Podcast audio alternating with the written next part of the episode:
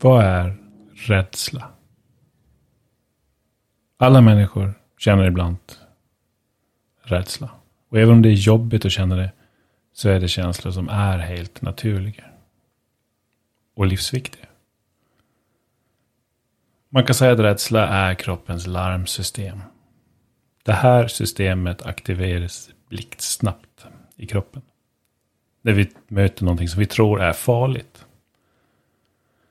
Och det refereras ofta till någonting som kallas för kamp och flyktsystem. Som har med signalsubstanser i kroppen att göra. Men, men vad är det mer då? Kan vi lyfta på lite saker här? Kan vi prata om vad vi har känt av rädsla i våra liv? Kan vi lyfta fram insikter som har hjälpt oss att hantera den? Det är inte som att det finns någon utbildning i rädsla.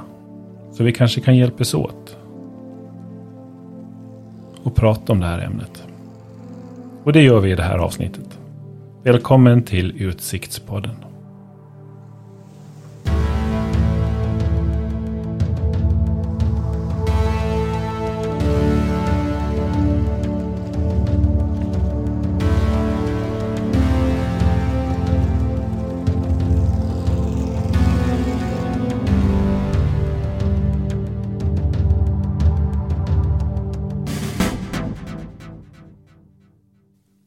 Och nu sitter vi här igen.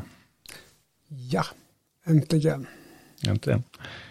Med ett, eh, ett övermäktigt ämne. Kan man säga så? Ja, det här är, jag vet inte, det känns som att man måste behandla det här ämnet med respekt. Men eh, kanske inte måste göra. Vi får se var vi hamnar. Det, det är stort och det är svårt. Jag tänkte att vi skulle prata om rädsla. Och eh, det här, det är ju egentligen, det kan vi sitta i flera timmar och prata om. Och, och det kommer vi inte göra. Kanske prata en timme. Och då Ja. tänker jag att då gäller det ju att hitta, hitta det som är riktigt intressant. En riktig eh, goodiebag med, med bra tankar. Och Det, Jag tänker säga det är ju också ett så brett ämne. Det var vi inne på när vi, vi, vi, vi har sällan när vi jätte, vi går inte båda på manus. Men vi har ju ofta ett, litet försnack. Och där sa vi ju att det finns ju så många delar av det här. Allt från liksom rycka till när någon säger bu till liksom att leva ett helt liv och bara liksom gå runt och ha ångest för att det ska ta slut. Båda de två är ju inom begreppet rädsla. Så, så det finns ju extremt många russin i en väldigt stor kaka här. Ja. Det slår ju mig från början att det finns olika typer av rädsla. För livet är ju, går ju egentligen ut på, tycker jag nu då, att eh, dag efter dag så ska man ta reda på vad man ska äta till lunch och middag. Och sen dör man. Och någonstans här på vägen hela tiden så måste vi också ta hand om ja, mycket annat såklart. Kärlek och, och mänskliga möten. Och, men rädsla.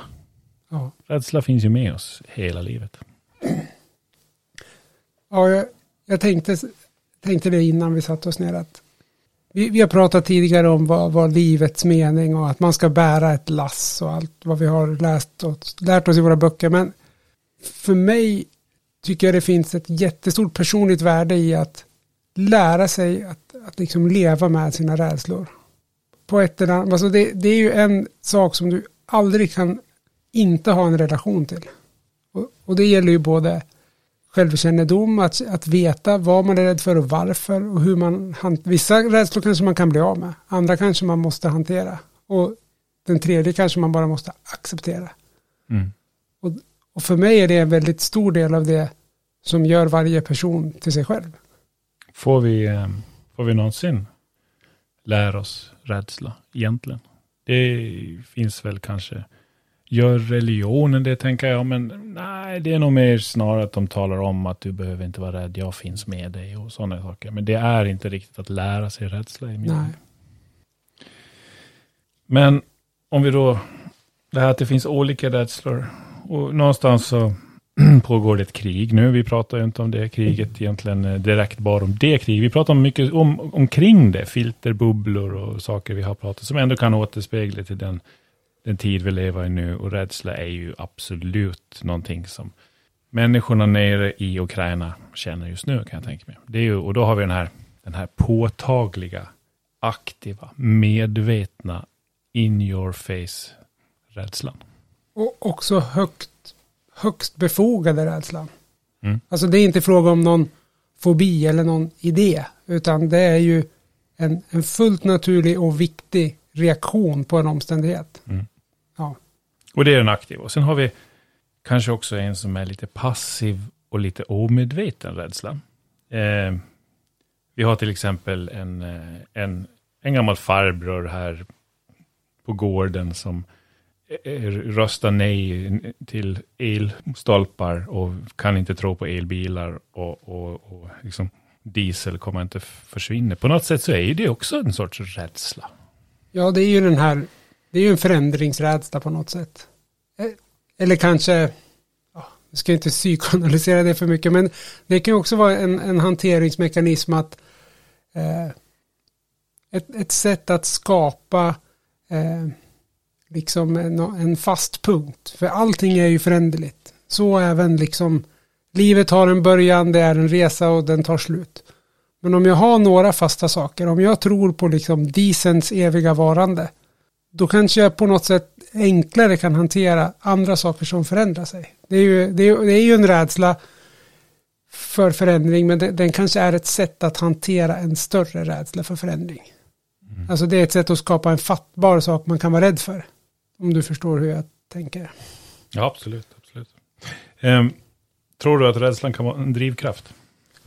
Ja, det, det tror jag definitivt. Alltså, både i den akuta situationen, jag är på en plats där jag inte vill vara, jag är rädd och jag gör något för att ta mig ur den situationen. Men, men även i det långa loppet, vi, vi har varit inne på det här liksom, eh, driften av att lämna någonting kvar efter sig. Det är ju också baserat på rädslan inför, alltså det finns ju de här teorierna om att allting bygger på att vi är rädda för för döden men även för liksom allting som vi inte, allting oförberett. Människor gillar liksom inte osäkerhet. Och jag tror att det kan driva människor väldigt mycket till att försöka eller till och med att aktivt kontrollera saker runt omkring sig. Mm. Så det, det kan ju driva både säkert positiva saker men det kan också driva negativa beteenden. Det här eh, att kontrollera det aktiva tog jag ju faktiskt upp i när vi hade våra boktips. Ja. Eh, till exempel då den här boken som heter The Fear Bubble med Ant Middleton. Där han då som väldigt högutbildad soldat har tagit fram en, en modell för att ta hand om den här akuta rädslan. Och, och korta drag då, så först måste man skala bort den här passiva eh, alldagliga rädslan och bara inse det att ja, jag kan ramla ner död av en av en hjärtattack, jag kan få cancer, eh, blixten kan slå ner. Allt det här, det, det kan man inte göra någonting åt. Men det jag kan göra någonting åt kan jag försöka att påverka. Och då är det, okej, här står jag och jag är rädd för någonting som är långt, långt där borta. Måste jag vara rädd när jag står här, 30 meter bort? Nej. Okej, jag går lite närmare, jag är 20 meter bort. Behöver jag vara rädd här då? Nej, egentligen inte. Bubblan krymper, bubblan där, där eh, anledningen, det jag är riktigt är rädd för, den krymper och krymper. Så här kan man hålla på ända fram till det. Okej, nu befinner jag mig i en, i en riktigt jobbig situation. Nu behöver jag vara rädd. Jag får en, jag tar i allt vad jag kan, jag gör allting jag kan så snabbt som möjligt för att ta mig därifrån. Och jag blir stark, jag blir snabb och sen är jag ute, då kan jag lugna ner mig igen. Nu pratar han om kanske en stridssituation, men även i livet, behöver jag vara rädd just nu när jag står här utanför och ska snart gå in på min arbetsintervju? Nej, inte just nu. Inte nu och inte nu och inte nu. Och när man kommer dit, när man är precis i den sekunden, då kan man vara, använda rädslan till att bli skärpt. Det är egentligen det som den här boken går ut på. Ja, Men du berör det med någonting annat det här, att kanske är allt vi gör en rädsla. Jag gick en eh, kurs en gång där jag fick en uppgift sådär, ta fram ett kvitto som ni har på er. Och sen så, ja, då hittar man något kvitto i fickan, i väskan och så vidare. Så allt som står på det kvittot är gjort med rädsla som bakgrund. Och det, det är först bara, nej, nej, alltså jag, jag köpte ost och silvertejp och, och, och, och en mjölk. Liksom. Men så börjar man analysera varför, varför, varför gjorde jag det? Och till slut så någonstans så landar man ändå i att man försöker undvika en situation som man faktiskt är rädd för. Och det är ganska häftigt eh, och insiktsfullt. För att ja, är, är det så att vi drivs av rädsla? Jag, jag tror att det går att, alltså vi, vi drivs ju av ja, rädsla för att hamna i obekväma, vi vill ju inte vara i obekväma situationer. Alltså vi, jag kan tala för mig själv, jag upplever ju mig liksom tillfreds när jag har mina basala behov mötta. Liksom. När jag kan få lägga mig ner i soffan på kvällen, jag har gjort mitt jobb för dagen, jag får liksom vara avslappnad, varm och torr och mätt. Liksom. Och inser jag ett hot mot det, då måste jag ju göra någonting för att komma tillbaka till soffan, om man säger. Finns det inte mat hemma, då måste jag handla mat. Det är ju, det går ju att säga att det är en rädsla för att vara hungrig eller, eller svälta ihjäl i förlängningen. Eh, jag måste gå till jobbet, det är en rädsla av att inte ha liksom, eh, pengar för att kunna bemöta mina basala behov. Så på ett sätt så är det ju eh, rädslan att inte kunna nå tillbaka till mitt liksom, trygga status, eller vad man säger, mitt, mitt trygga state, då, för att använda ett engelskt ord. Men det, det driver ju mig till också ta beslut på både kort och lång sikt. Hur vill jag utbilda mig? Hur vill jag, vad vill jag jobba med? Vill jag byta jobb? Vill jag stanna på mitt jobb? Det, det går ju att få ner allt det till hur ökar eller minskar det här beslutet mina chanser till att undvika skrämmande eller räds, ja, situationer som är fyllda av rädsla. Då. Det finns ju en sån här eh, varför-lek som man ja, som förälder ofta har lekt med sina barn. När barnen säger varför det? Ja, men därför. Ja, varför det? Ja, därför. Varför? Den här varför-lopen. Där man, ja, det finns två saker som man, som man ofta möter på vägen ner i den här varför-spiralen. Och det ena är ju rädsla. Mm. Och så går man lite längre och då kommer man till solen. Ja, solen lyser. Liksom. Och sen där stannar man oftast med barn, men man kan gå ända ner till de universums fyra mm. fundamentala krafter egentligen, Big Bang. Liksom. Men eh, det är ju där man hamnar någonstans i ändstationen. Men man kommer alltid till rädsla. Det, varför det här? Jo, för annars. Och så mm. är det någonting som har med rädsla att göra. Och jag läste en bok som jag, jag kommer återkomma till den här, eh, tror jag, i en lite senare avsnitt. Och jag ska ge mig på eh, det ännu större ämne, döden. Mm. Men då finns det en, en, en bok som jag läser lite i eh, research inför det avsnittet. Och den, den heter Worm at the Core. Och skriven av eh, Sheldon Solomon, Jeff Greenberg och Tom Pisinski. Eh, och de tar upp en, en eh, just döden som egentligen som drivkraft då egentligen. Den, den är fråga, den, de hävdar då att döden driver allt och alla till allting egentligen. Det är, det är rädsla för döden som byggde Twin Towers en gång i tiden i New York. Och det är rädsla för döden som, som raserade dem igen. Och allt däremellan. Liksom. Det, det valde jag kanske ett konstigt exempel, men, men du förstår, allting vi gör är liksom på något sätt i medvetet eller omedvetet står alltid i relation till att jag kommer inte finnas en dag. Kanske sitter vi här och poddar egentligen för att någonstans att ja, men då lämnar vi någonting till eftervärlden mm. kanske.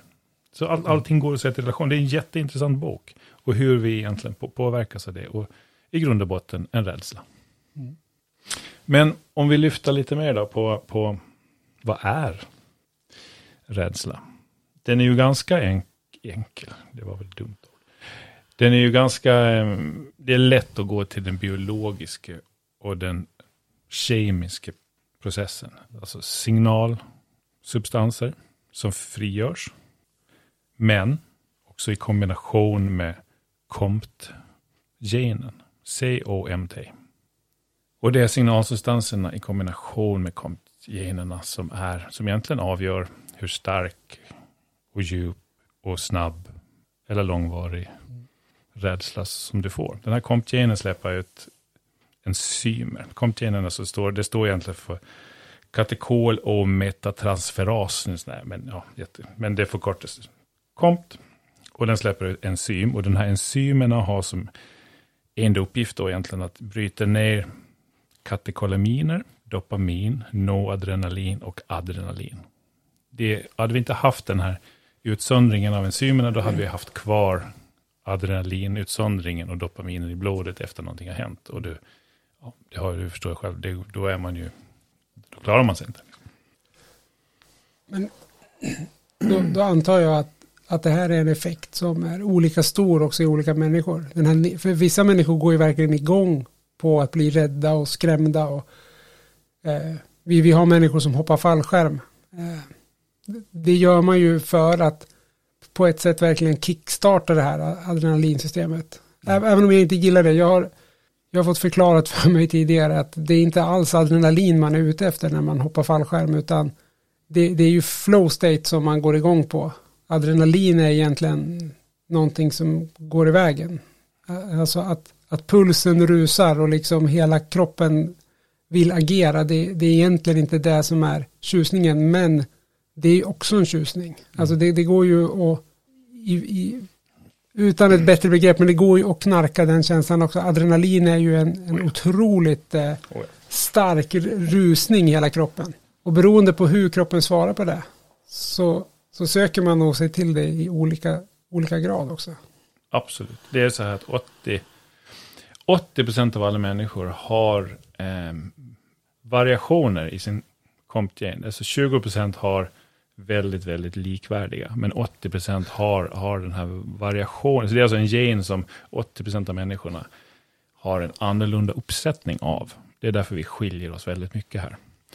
Och man brukar faktiskt dela in det i två termer. Och det ska väl sägas då att det är två termer på sidan om det som är det normala. Det normala är att du bryter ner i normal hastighet och så vidare. Mm. Men de här sidorna brukar man kalla för warrior och worrier.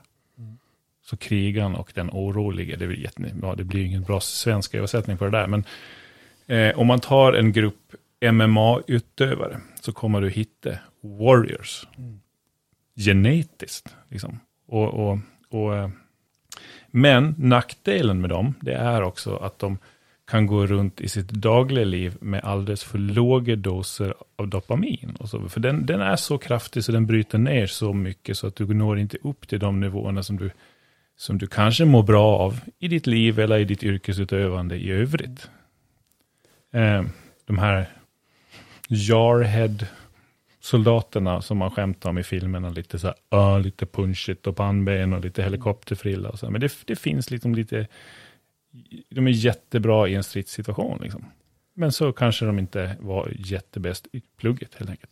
Nej, men de, de har ju, de har ju fått då en, en en hög tolerans, kan man säga så, mot dopamin. De behöver, mm. de, de, eh, de går runt i vardagen och, och får inte samma utbyte som oss andra. Och sen när de går igång så går, igång, går de igång jättehårt på dopamin. Och den, eh, man, polisskolan har ju tester och jag tror många av de här blåljusmyndigheterna överhuvudtaget har sån här stress tester som man kallar det. För att man, man vill, det finns ju de som bara fryser. När de får en riktigt adrenalinpåslag så, så fryser hela kroppen. Och det är inte bra om du jobbar inom blåljusmyndighet. Eh, och det är, det är lite gen genetiskt. För det, får du ett för stort påslag och du inte har den här möjligheten att ta hand om det här, ja, då får du en freeze. Det vill man inte. Så, eh, men även de här generna, det finns så mycket forskning. Det är liksom en, en jättespännande area att bara läsa, om jag förstår också de som forskar om det. För det här, beroende då på om man kan ta hand om mycket eller lite och, och så vidare. Så de här COMT-genen är med i cancerforskning, den är med i schizofreni, forskning kring det. Anlag för alkoholism, PTSD, absolut. Så den är med i så mycket forskning, där man, det är just det här hur du bryter ner kroppens signalsubstanser, de här akuta signalsubstanserna. Ehm.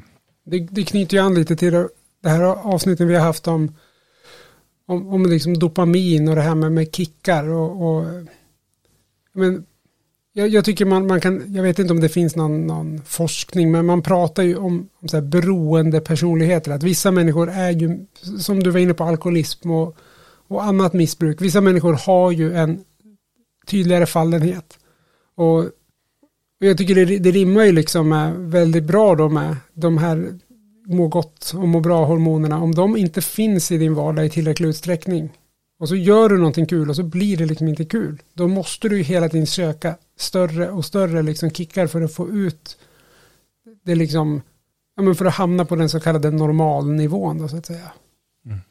Ja. Och jag tänker vad händer med sådana människor när de utsätts för sociala medier? Det är också jätteintressant. Mm. Som hela tiden försöker, alltså det lilla de har, det, det, det kramas ytterligare ut då. Mm. Så är det. Det måste vi forska på. Um, det finns jag har också läst det här, att det finns en eh, forskning som visar att vissa varianter av det här, den som eh, den varianten då som hindrar att du fryser, den som är väldigt bra på nedbrytning, är någonting som har försvunnit över tid från människorna. Då pratar vi lång tid. Mm. Att den är på väg ut ifrån vår genbank. Lite så. Jag har inte riktigt fått det. Ta det här lite med nypa salt, för det, jag har inte riktigt fått det. Men om det är så, det är bara en tanke. Liksom. Ja, då är vi kanske det, den eh, rasen då. Eller en varelse som går mot ett, ett, ett lugnare liv och vi fryser oftare i, i eh, sådana här situationer. Och så. För vi kanske inte behöver det nu. Vi behövde kanske det mer på prärien så att säga. Eh, när vi levde med vilda djur på ett sätt. Men, men eh, den här, det är ganska intressant och, och, och också veta att eh, barn bryter ner dopamin och adrenalin tre till fyra gånger saktare än vad vuxna gör. Så att man känner skräck och att man känner rädsla som liten är genetiskt också. Mycket så. För det, en, en, en händelse som skrämmer ett barn sitter i alltså tre till fyra gånger längre i kroppen, bara signalsubstanserna, än vad det gör för oss vuxna. Det kan vara värt att tänka lite på ibland, när man tycker att äh, det var inte så farligt det där. Alltså det, det, dels det, det kanske sitter ihop, men, men jag har läst den här boken som heter Järnstark, och där, där man pratar om liksom kroppens hanter, eh, förmåga att hantera när amygdalan rusar och man sprutar ut liksom stresshormoner. Och att det systemet inte heller kommer igång riktigt förrän efter puberteten. Så det, det betyder att när, när, barn får de här, eh, vad ska vi kalla frispelen och bara liksom, de bara stressar upp sig själva och blir argare och argare och det finns liksom ingen reson som man ser utifrån. Då är det för att det är, det är verkligen som att de sitter på, i en bil utan bromsar. De har inte det kemiskt liksom. Och det, är, det är samma sak här. Du, du skrämmer upp dem, det tar lång tid för kroppen att hantera rädslan och det finns ingen broms på den här stressreflexen. Så det blir ju en jätte, jättestor grej, som du säger, i kroppen också. Hur mycket man än försöker att rationalisera eller liksom trösta eller vad man försöker göra som vuxen. Så det, det är ju det är en kemi där mm. som talar emot dem. Mm. Sen kommer vi in på en, en, en annan eh, del inom rädslan. Ett försök till att förklara en annan typ av rädsla. Och det här är riktigt spännande. Håll i det nu. Det är så här. Eh, det är ett begrepp egentligen som är, utfors, eller som är utvecklat av Ernst Jentsch. Känner du till honom? Nej. Nej, det gör ingen. Men de flesta känner till hans kollega Sigmund Freud. 1919 så myntade de Das Unheimliche. Fantastiskt. Das Unheimliche. Och det är så många dimensioner på det här. Unheimlich, det är alltså det, den, den, för det den gör, det finns inget svenskt bra ord på det här, men det som den förklarar en obehag eller olustkänsla som uppstår i samband med, med hemmet eller det familjära, heimlich. Eller homely, liksom, på engelska. Liksom. Men det är någonting familjärt som visar sig innehålla ofamiljära element. Nu tänker vi alla skräckfilmer vi någonsin sett. Det är precis det. Det är precis det som de kom på 1919. Så unheimlich, ohemtrevligt. Det är någonting som vi känner till som plötsligt innehåller någonting, eller som visar sig innehålla någonting. som är otrevligt eller främmande. Och, och eh, ett dött objekt som plötsligt är levande. Eller ett levande som är dött. Någonting vi känner till som inte är vad egentligen vi tror. Och det, och, och, det kan vi ju dra på allting som vi kan bli rädda. Vi kan bli rädda av ett epilepsianfall som någon får framför oss. Mm. Och, och egentligen har det med unheimlich att göra. För den här människan som jag nyss satt och pratade med ligger nu i spasmer och rycker och det kommer vitt skum i munnen. Och jag, det är ju något, jag känner igen människan, jag känner igen formen och plötsligt så känner jag inte riktigt igen vad som händer. Mm. Eller trolldom eller tungotal eller någon, någon, någon som blir besatt i en film. Och så det är precis det här unheimlich. Jag tycker det är ett fantastiskt ord som förklarar så otroligt mycket. Jag, jag, jag, jag måste erkänna, jag tyckte det var, man får ju obehagskänslor direkt. För man kopplar ju, som vi har pratat om tidigare, jag har ju liksom mitt referensramverk. När du tar upp det där så börjar man ju direkt gå igång. Men det, det är just det där, som du sa, det ofamiljära i det familjära. Ja. Jag, jag vet inte om jag personligen håller med om din, alla dina exempel. Det här med epilepsi är ju också något akut, men, men jag förstår hur du tänker. He, helt klart, liksom det är någon, där, man tycker att det inte finns några överraskningar så finns det liksom ändå överraskningar. Och det kan ju vara, jag, jag tänker så här, det kan ju vara positiva saker som, som man inte är van med. Jag, nu kopplar jag liksom till så här, om man, om man är barn, nu är vi där igen. Och så, så har man aldrig sett sina föräldrar dricka vin tidigare. Och så det, det här, den här klassiska, de blir lite, lite gladare och lite så. Men, men jag, utifrån kan det tyckas som att vadå, de, de lyssnar mer och de engagerar sig mer och de, de pratar mer med barnen. Det är väl positivt. Men inte om det inte är det familjära. Då kan det vara jätteobehagligt även fast det är en positiv grej. Om du, mm. Mm. är det där, det får jag läsa på om. Ja, den är fantastisk. Och det, det, sök på det. Das Unheimliche. Den är, den är, det, det finns massvis med exempel. Och den, den, det är så kul att läsa om det. Och man direkt så börjar man förstå eh, eh, hur man gör en skräckfilm. Och alla världens Hollywood-skräckfilmer, det är liksom allting är, handlar egentligen om un, Unheimlich. Das Unheimlich är ju också någonting som då har kommit tillbaka i robotutvecklingen. För där står vi precis inför den här utmaningen. Det finns en japansk robotforskare som heter Masahiro Mori. Vilket namn va? Masahiro Mori.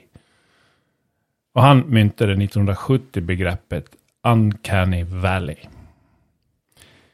Det ritas som en dalgång i en graf och det är precis då vi människor börjar få svårt att avgöra om det är en humanoid robot eller människa eller maskin.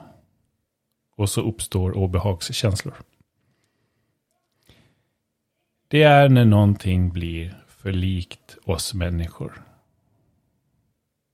Direkt så uppstår ett obehag. Vi känner igen oss lite i de här robotarna. Men så plötsligt inser vi att nej, det här ser ut som en människa men det är inte det. Och så, så blir det unheimlich. En verklig, aktuell utmaning. Och vi kan ta eh, zombiefilmer. Zombiefilmer, ja men det ser ut som människor, men det är någonting som är fel. Liksom. Mm, det, det, det, skapar annat. en otrolig så här, obehagskänsla som då är rädsla. Då. Men vi kan ta eh, skillnaden mellan, om du kommer ihåg serien V. Du har hört talas om ödlor som ser ut ja, som människor. Mm. Och så fanns det en film eh, långt tillbaka i tiden som hette typ Trifiderna tror jag. Trifiderna, det var så står det så här köttätande växter. Och, och, både de här ödlemänniskorna i V och trifiderna kommer från space. Men det mm. ena var ju mer så här hö, hö, hö, kolla den här växten som skjuter ut en tunga och äter upp någon. Så det var ju liksom, ja det var lite läskigt på en nivå. Men V, jag kommer ihåg den, där, liksom, jag är så gammal, jag såg ju den här och jag bara, det var ju så läskigt. Det var helt plötsligt så förstred de av en bit av kinden. Och, ja, men det var, det var liksom unheimlich. Ja, jag kopplar ju direkt till det. Arkiv X. Den, jag tycker den spelar ju på många sådana. Ja. Men där var det ju, jag, jag såg ju att jag inte fick. Jag var ju för liten också. Så det blev ju säkert tio gånger läskigare än vad det borde Fast det var nog ganska, det är nog ganska lä- läskigt även för vuxna. Men det, det var ju någon, någon Ja, fast du har det svårare att göra av med. Ja, med- antagligen. Jag, och det här kan jag tänka på än idag. Jag är ganska mottaglig för sådana här bilder så det etsar sig fast. Men det var några som hade någon form av mask som rörde sig inne i ögongloben. Liksom. Och annars så var de precis som vanligt. Men det var någonting med att det rörde sig i, i liksom, inte, jo men i iris. Mm. Och det, det där kan jag, nej det är fortfarande obehagligt.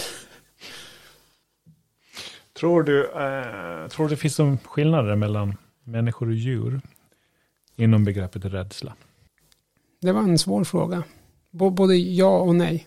Men, men eh, jag, jag har lite svårare att se djur som warriors. Så. Alltså, så, som warriors, om vi tar den, det, där har jag lätt att se. De reagerar ju tydligt och liksom kraftfullt. Men jag, jag, jag vill inte riktigt tro att katter och hundar går runt och har liksom ångest över vad de ska äta imorgon på samma sätt. Mm. Men jag vet inte, det kan vara fel. Det finns ju ett konsekvenstänk som, som vi människor är begåvade med som man inte hittar jättemycket i, djurvärlden. Ehm, du sitter hemma en kväll själv och så kommer det plötsligt en, en gummiboll, en liten gummiboll kommer inrullande över, över- vardagsrumsgolvet. Den är ju inte farlig i sig själv, men någonstans så kan du börja känna någon form av unheimlich här. Ja, ja, mycket. Ja. Eh, ha- hade du suttit där och det hade varit en liten katt som hade suttit bredvid dig, eller en hund, så hade ju den bara tyckt att det där var ju kul. Ja. Och det är ju någon form av vårt konsekvenstänkande som, som går igång då. 1600-talet så reflekterade René Descartes över det här. Och drar helt enkelt slutsatsen att eh, djur är automater. Medan vi har en själ. Och det, var, att det, det är det som skiljer då. Och djur är, deras rädsla är helt fysisk. Skriptad. Medan vår är psykologisk och mycket mer komplex. Nu, eh, nu har vi väl släppt det kanske. Att det är inte, djur är ju inte automater. Nej, men jag... Nu får jag in ett sånt här ord ifrån från, eh, från mitt, min bakgrund. Det en state machine. Känner du till liksom begreppet? State machine. Eh, jo, Alltså att du har ett system Mm. som... Det, det är inte bara en, en automat. Då, då är det samma input ger alltid samma output. Liksom. Men Mm. i en state machine så kan det vara så här. Du, du, du måste stoppa i fem kronor för att få ut en grej. Och då vet den om du har stoppat i en, två, tre eller fyra innan. Och jag kan tänka mig i, i det där läget som du säger att det, det är uppenbart för mig att du, du kan ha du kan ju ha liksom stressade hundar och, och så vidare. Du, du, djur har ju mer än input-output. De är, de är ju mer än rena, rena liksom automater i det. Men människor kanske har fler states då. Alltså fler saker som också går in i beslutsfattandet. Som du, du säger, om, om det kommer fram mat och jag är en hund, då äter jag maten.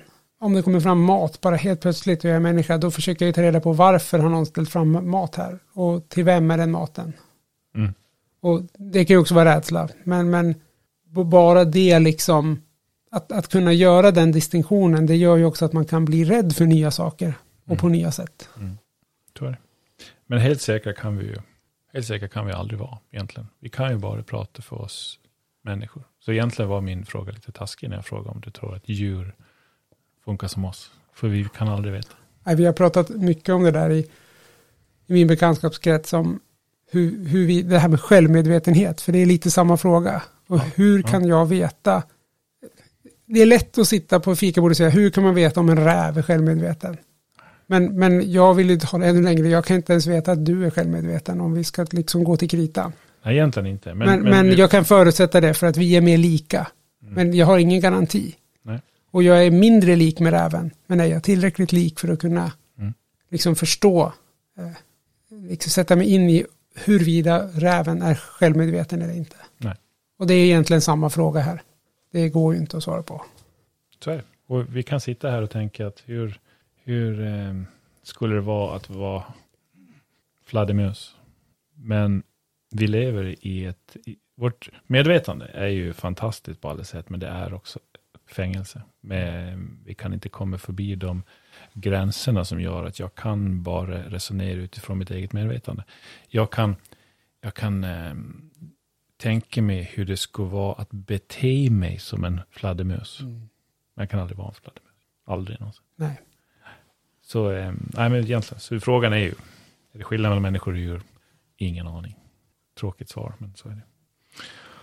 Har, eh, var du mörkrädd när du var liten? Är du mörkrädd nu? Jag var mm, nog faktiskt mindre mörkrädd när jag var liten.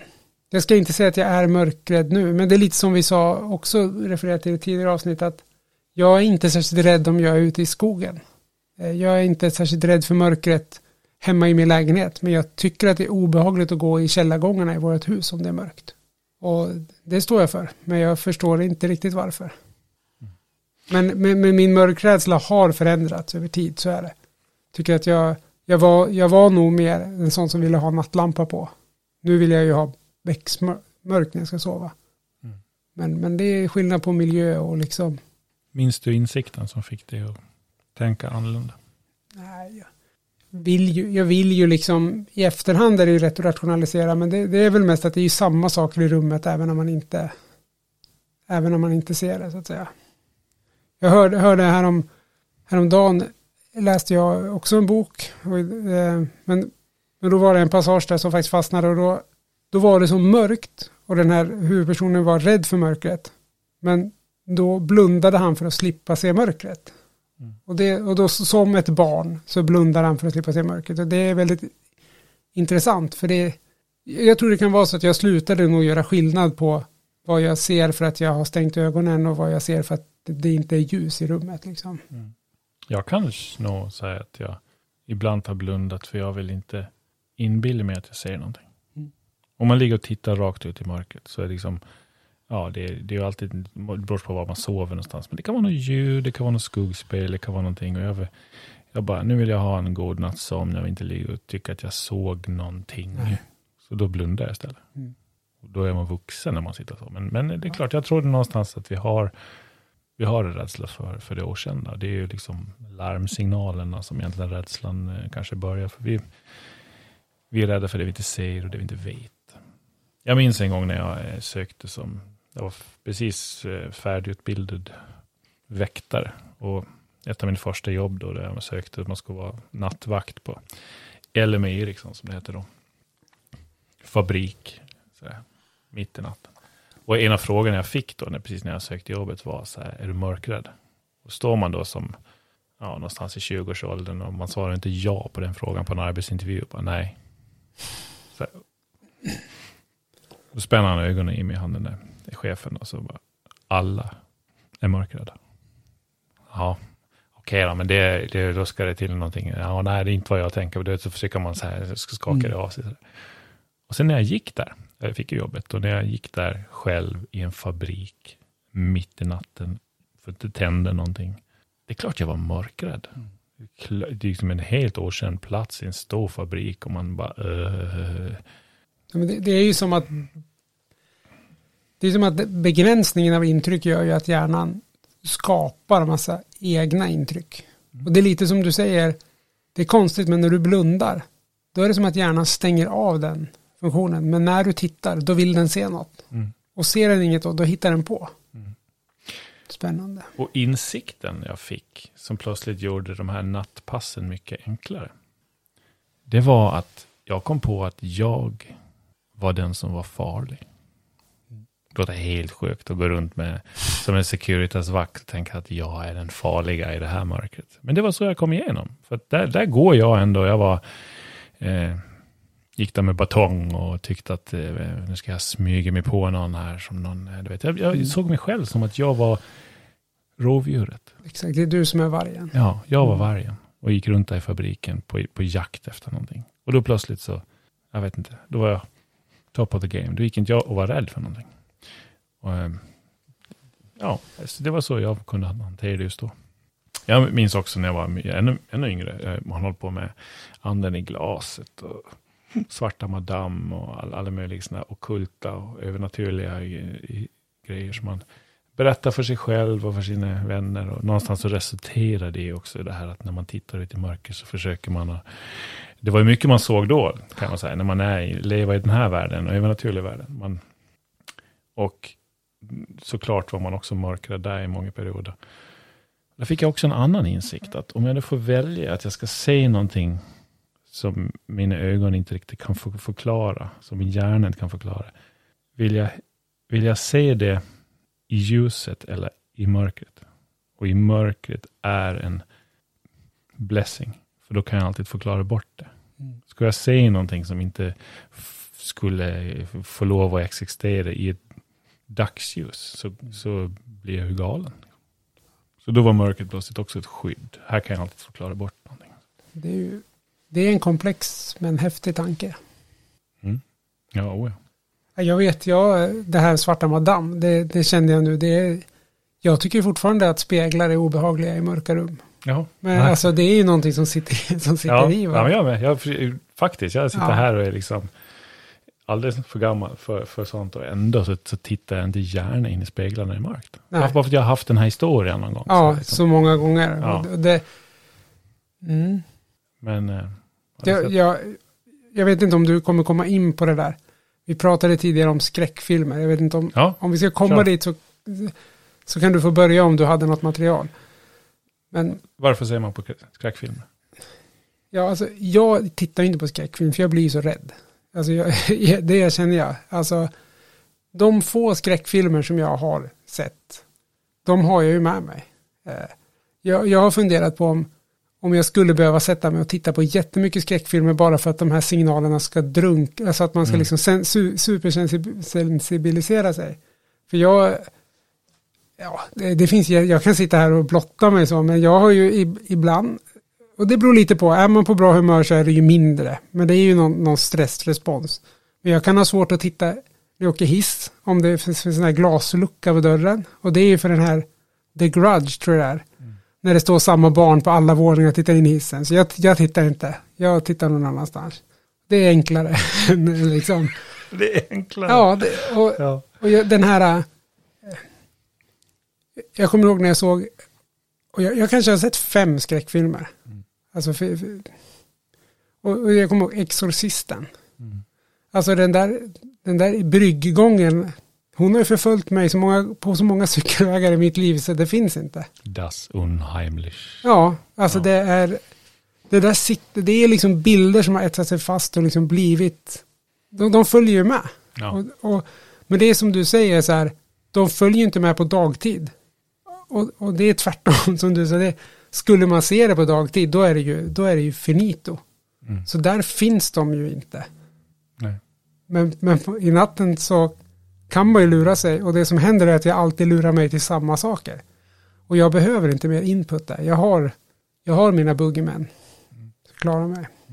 Men vad, vad är det som driver då? Vad är, vad är det som gör att man, man vill se på skräckfilm? Jag säger man nu, för det, jag är väl lite som du och kanske att jag kanske, jag väljer inte en skräckfilm. Men många gör ju det. Och vad är det som drivs? Vad är det som driver? Jag tror det lite kan vara det vi var inne på innan, att man går igång på adrenalinet. Man, man vet att man kommer bli skrämd och rädd. Och det är skönt på ett sätt. Alltså det, det finns ju någonting i det med. Och sen att man får stänga av filmen sen och så är den borta. Så då har man höjt sina nivåer och så får man sänka dem igen. Och det, det tror jag kan vara skönt. Sen tror jag också att, precis det vi var inne på, vissa människor, eller alla hanterar ju det olika. Eh, att bli rädd, att bli stressad överhuvudtaget. Och jag tänker det kan vara lite att jag tar det här att jag blir jätte, jätterädd nu. Så kanske inte har lika mycket kvar sen. Ja, alltså, det får du utveckla. Ja, men jag, jag tänker, det, det, finns ju mycket så här, jag bränner ut mitt adrenalin nu. Har jag inget, har jag liksom inget adrenalin kvar, då kommer jag inte få den responsen i vardagen sen. Alltså att man i, i en konstlad miljö liksom tillåter sig att bli jätte, jätterädd. Och sen när man bara blir lite rädd i vardagen, då, då, då bleknar det liksom mot det, den skräck man känner när man tittar på filmen. Så det alltså att det skulle vara en typ av hypersensibilisering där, att man, man väljer ja, att utsätta tror... sig för rädsla för att minska rädslans effekt på kroppen. Jag undrar om det är, jag vet inte, tror du det? Jag tror snarare att det är du, du ökar din, alltså utsätter du dig för någonting, dels som du sa, du tar med dig dina filmer, men du också, om du utsätter för någonting så blir ju filmerna en del av dig. Mm. Någonstans i hjärnan, tänker jag, så har du varit med om det här. Din hjärna vet ju inte att det var en film, om jag ska vara ärlig. Nej. Utan alla filmer du har sett har du faktiskt någonstans erfarenhet av. Mm. Så om du ser mycket skräckfilm så blir det väl en del av dig. Och jag tänker att någon... Kommer du ihåg det här djuret som hette dronten? Fågel på 1600-talet tror jag. Ja, som, ja. som var som... som det fanns på någon ö tror jag och vi landsteg där. Och den, den klapprade fram med sitt stora huvud, små ögon och ser ganska, vi har ju bara bilder på den, så ser liksom lite corny ut. Och den, den, eh, de kunde slå ihjäl en dront och de, de andra står kvar och såg så lite corny ut. Och de Mm. fattar ju ingenting. De har aldrig varit utsatta för, för hot. Alltså den rasen har aldrig varit utsatt för hot. Eh, om det då är motsatsen, en människa som aldrig sett en skräckfilm någon gång, Mm. tänker jag. Och sen har vi då, Fast jag tror det kan också vara som, alltså, det här med kontraster också. Att man, man utsätter sig, som, man, man skaffar en erfarenhet av någonting som är riktigt, riktigt jobbigt. För att då blir vardagen en kontrast. ja, ja det kan jag köpa. Alltså, lite som vi sa, det här med att, att kasta sig in i nyheter om, om krig och elände. Här också, man, man skiftar sin referensram för att göra topparna högre i relation till, till dalarna. Ett, Ja. man, man skaffar ett fiktivt mörker. Ja. Men det är inte fiktivt, för det är precis som du säger, i, i min hjärna så är en erfarenhet som adderas till alla erfarenheter. Så för, för mig så är det ju på riktigt. För det, det finns ju ingen objektiv sanning i psykologi. Det, det hjärnan har trimmat in sig på, det är ju sant. Mm. Så, att, så det är säkert fullt fungerande sätt. Någonstans, för det är som sagt, det, vi sa det från början, det är ett stort ämne, vi ska prata om rädsla och det finns ju så många sorters rädsla. Men jag tänker mig att ungefär som smärta kan sitta ihop med njutning, så tänker jag också, kanske finns det också någonting, och nu tar, pratar vi inte om Ukraina, utan jag pratar om någon annan sorts rädsla som kanske sitter vägg i vägg med någonting som man vill åt också. Alltså någon, någon frigörelse av eh, dopamin. Eller en adrenalinrush. Eller någonting som, som känns som ett skön, som en rus. Som du säkert kanske säger, man har sett en film och sen när man landar, när man stänger av filmen efteråt, när man bara sitter, att det är någon sån här, ja, att det bjuder på någonting. Men jag är, jag är inte jättebevandrad där. Men jag har en, en vän till mig som, som berättade om, han hade flera exempel, men på gånger i livet har han har blivit riktigt, riktigt rädd av en situation. Det- var någon sån, ett exempel för att förklara liksom, så hade han varit ute med sin pappa och de skulle jaga. Och han var inte gammal, och vi, det var, han var ett barn. Han var inte den som skulle hålla i något gevären och sånt, han skulle bara sitta med sin pappa. Men då var det någon session där hans pappa la ifrån sig bössan för att hälla upp kaffe eller någonting. Och min kompis han tar upp bössan och så ställer han sig bara och tittar ner i pipan. Alltså som, som man gör typ på tecknad film. Och hans pappa då blir ju såklart jätte, jätterädd.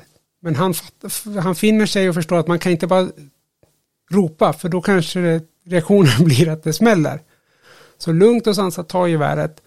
Och sen efter det så förstår ju min kompis vad som har hänt. Och då kommer den här, du vet när, hela kroppen suger ihop sig, man blir bara, liksom man blir en liten klump en halv meter bakom sin mage. Men, men det som hände för honom då, det var att han, det är ju en jättejobbig känsla, men man kan också känna, oj, nu kom den. Och det, det är ju en hel kroppsupplevelse. Så han har sagt att efter det och flera gånger när han har fått den här riktiga liksom magångesten så har han nästan tyckt att det är skönt. För att det är, det, det är den där igen så här, hela kroppen reagerar. Och, och det är precis som du säger, det ligger liksom på gränsen mellan, och jag har själv prövat det där någon gång, när man får den där riktiga suget i magen och bara tänka så här, bara låtsas att det är en bra känsla. Och det är fasen inte långt borta, att det går att lura sig. Men jag, Jag har tänker inte börja titta på skräckfilm bara för att få testa min teori.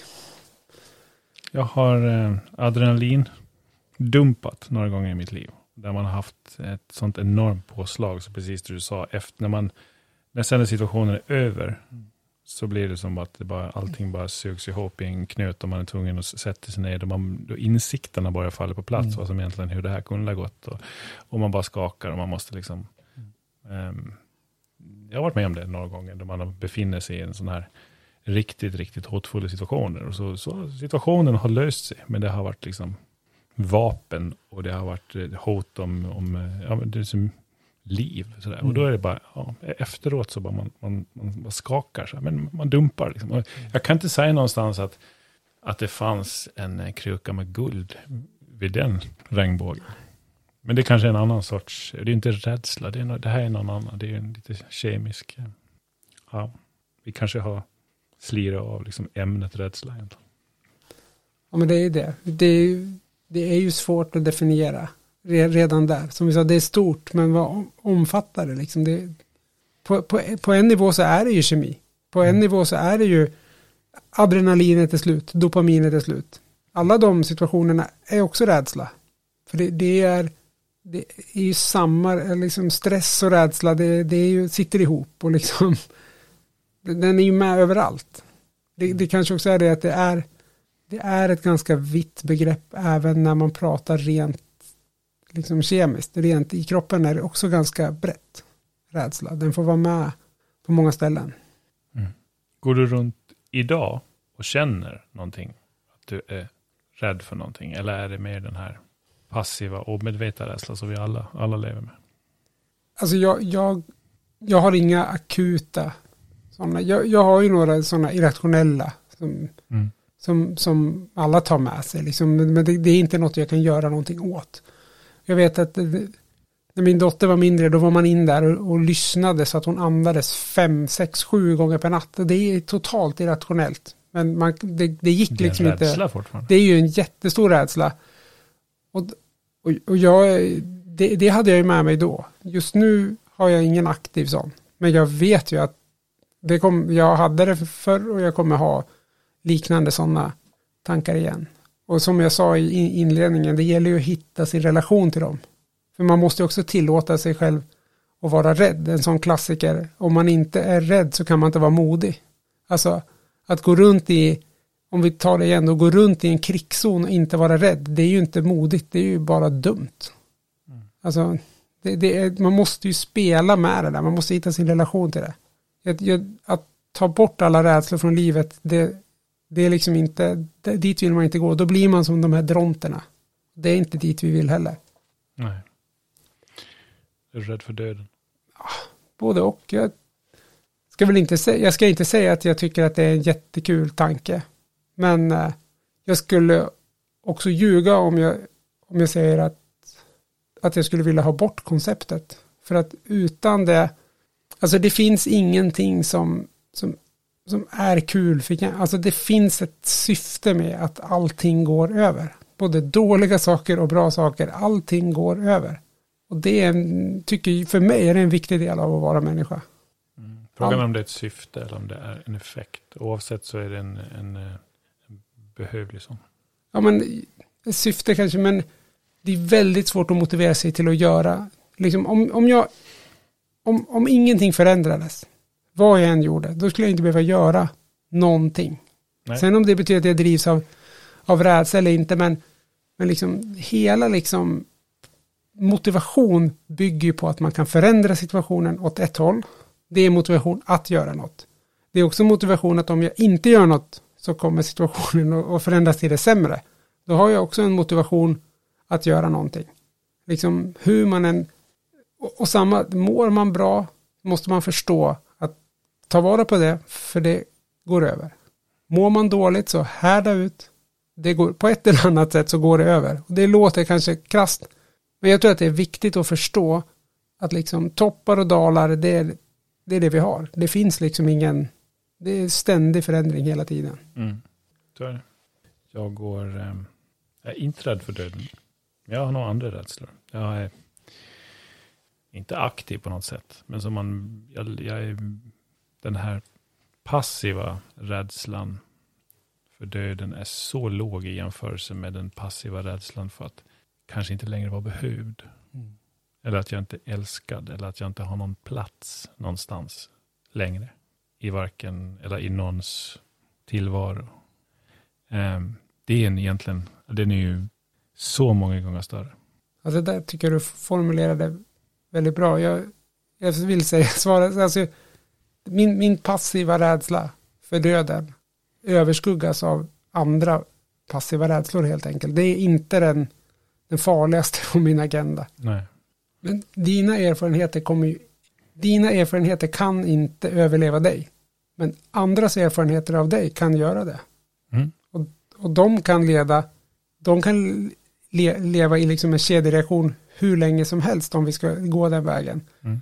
Så det enda man egentligen kan ta ansvar för det är ju att man gör det, liksom situationen bättre för andra människor. Mm. Men det spelar egentligen ingen roll för mig efter att jag har dött. Nej, men... Men, men det som spelar roll för mig är att, jag, nej, att om jag skulle bli kvar här, mm. fast eh, utan någon form av effekt eller interaktion med, med min omgivning. Det, det, måste ju du ta konsekvenserna av. Ja, precis. Alltså ja. det, det är sen, ju läskigare. Ja, det är mycket, mycket, mycket läskigare. Liksom. Så är det, mycket läskigare. För, det, för det, helt plötsligt är det du som får ta konsekvensen. Ja, men så är det. Jag kan så bara, är det ju inte i det andra fallet. Nej, men jag kan ju bara, återigen, mitt medvetande har gränser. Jag kan bara egentligen ja. resonera utifrån att, hur det är att vara, att vara mig då. Och, Exakt. Och, och, och det, det, mest läskiga som finns nu det är att, att eh, bli ensam. Mm. Såklart. Eh, och det kanske kryper sig på med, med åldern. Jag tror inte jag tänkte alls på det när man var, man var yngre. Och nu tänker jag hälsosamt på det. Liksom jag har ändå tillbringat lite tid med, med man kan se tillbaka på någonting och än, än så länge är jag inte så gammal så att jag inte har någonting att se fram emot heller. Som tur är. Det kanske kommer en dag det också, men jag ska ta den med ro. Ja, men det var egentligen det som jag ville lyfta upp med rädsla. Drivkraften, lite biologi, das Unheimliche. Och den tar jag med mig. Ja, och sen lite personlig anekdot. Men det är som sagt, det är ett så stort ämne. Det är, vi har ju bara... Vi är ju inget proffs på det här. Vi är bara lekmän, vad heter det? Någonting. Har vi tur har vi väckt några tankar, gett några googlingsgrejer. Ja. Man kan ju alltid googla svarta madam om man vill få svårt att gå på toaletten på natten.